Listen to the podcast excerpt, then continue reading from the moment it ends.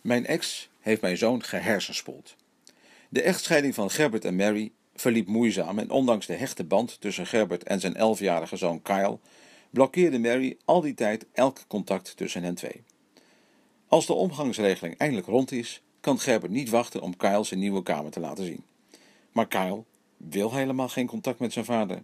Die is immers de schuld van alle ellende. En Kyle moet nu voor zijn moeder zorgen. Gerbert. Ik heb twaalf jaar voor Kyle gezorgd. Mijn toenmalige vrouw Mary werkte 70 uur per week en ik was vader en huisman. Twee jaar geleden werd ik verliefd op Erwin. Ik heb alles eerlijk aan Mary opgebiecht en kort erop ben ik ergens anders gaan wonen. Ik dacht dat Kyle wel met me mee zou gaan. Onze band was immers veel sterker dan die met zijn moeder. Maar Mary wilde daar niets van weten. Zelfs co-ouderschap was onbespreekbaar. Ze was zo fel dat ik op een gegeven moment bang was dat ze Kyle iets aan zou doen als ik nog langer zou aandringen. Dus heb ik genoegen genomen met deze omgangsregeling. In de periode dat Mary en ik onze scheiding regelden, heb ik Kyle niet gezien. Mary vond dat hij rust nodig had. En ik had geen puf om daartegen in te gaan.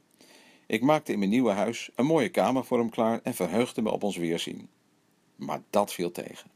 Uiteindelijk is Kyle misschien drie keer bij Erwin en mij geweest. Hij was totaal veranderd en zat vol verwijten. Dat ik nooit van hem had gehouden. Dat hij geen homo als vader wilde. Dat ik Mary en hem in armoede had gestort. Dat soort dingen. Ik begreep er niets van. En toen ik Mary vroeg wat er aan de hand was, zei ze dat ze er niets aan kon doen. Kyle is oud genoeg om zijn eigen conclusies te trekken. En van het ene op het andere moment ben ik mijn zoon kwijt. Kyle. Papa is zomaar bij ons weggegaan. Ik wist van niks. En toen woonde ik opeens in het andere huis en mama was heel verdrietig. Ze zei, ik heb keihard gewerkt om geld te verdienen, zodat jullie een dak boven je hoofd hadden en konden eten. En ook jullie vakantie. En als jullie samen naar een voetbalwedstrijd gaan, heb ik dat betaald. Ze voelt zich heel erg verraden. Doordat papa zo nodig moest gaan samenwonen met die andere man, moest mama haar baan opzeggen om voor mij te zorgen. En daar baalt ze enorm van. Het minste wat ik nu kan doen is voor haar zorgen. Nu ben ik immers de man in huis. Dat zegt mama. En dat betekent dat ik grote mensengesprekken met haar moet voeren. En mee moet met boodschappen doen. Want wie moet anders die zware tassen dragen? Ik wil helemaal niet om het weekend naar papa. Ik vind die Erwin maar een rare man. Papa was nooit homo, dat zegt mama zelf. En als Erwin van papa een homo kan maken, wat doet hij dan met mij?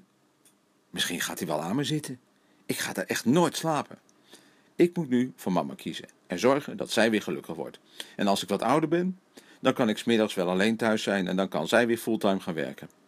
Dan wordt ze weer de oude mama en is alles weer net zoals vroeger. Nou ja, zonder papa dan. Maar dat is zijn eigen schuld. Ik hoef hem nooit meer te zien. Aniek is tienermediator en staat jongeren bij tijdens het scheidingsproces. Wat is haar advies aan vader? Ik snap dat het voor u lastig is. Al die tijd heeft u voor Kyle gezorgd, omdat u op dat moment huisman was. Kyle is op dit moment de man in het gezin. En ook al is dat misschien iets waar een kind op deze leeftijd nog niet mee bezig moet zijn, het is voor Kyle wel een manier om de situatie te kunnen overzien. Hij werkt naar een doel toe, zodat zijn moeder weer fulltime kan werken. En dat is iets wat vroeger ook zo was en weer terug kan komen. Laat het verdere verloop van jullie relatie afhangen van Kyle. Als hij nog geen contact met u of Erwin wil, respecteer dit nou voor nu. Wacht het voorlopig even af, zodat Kyle ook de ruimte heeft om na te denken over welke behoeften hij heeft ten aanzien van het contact. Wel zou ik aan Kyle laten merken dat u hem niet vergeet. Natuurlijk gaat hij niet uit uw gedachten, maar laat hem weten dat de deur altijd open staat door middel van een berichtje of een kaartje. En wat zegt de tienermediator tegen de moeder? Wat bent u in een lastige situatie terechtgekomen? Zoals ik van Kaal begrijp, bent u door deze situatie ook minder gaan werken. Een hoop veranderingen dus. Kyle wil nu de man zijn van het gezin, wat een logische reactie is. Maar tegelijkertijd is Kyle nog maar 13 jaar oud en moet het wel kind kunnen blijven en niet uw plaatsvervangende man. Het feit dat hij het over het voeren van grote mensengesprekken heeft, laat blijken dat deze gesprekken eigenlijk nog te lastig zijn voor hem.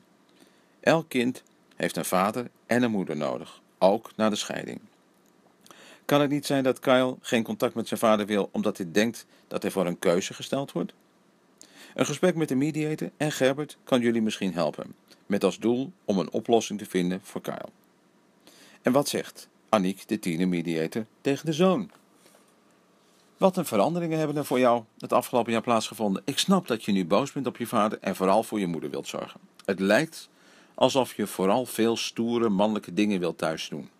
Zoals de grote boodschappentas tillen. Die hulp kan je moeder natuurlijk heel goed gebruiken. Je zegt ook dat je grote mensengesprekken moet voeren met mama. Vind je dat lastig? Of vind je het moeilijk te begrijpen? Echt, dat is natuurlijk niet gek, want je bent 13 jaar oud. Ik snap dat je na alles wat er gebeurd is nog niet echt zit te wachten, zit te wachten op papa of Erwin. Maar zijn er dingen die je wel fijn zou vinden als papa dat zou doen? Een berichtje sturen of iets samen zonder Erwin doen kan erg leuk zijn. Even niet de man in huis zijn, maar samen wat leuks doen. Denk er eens over na.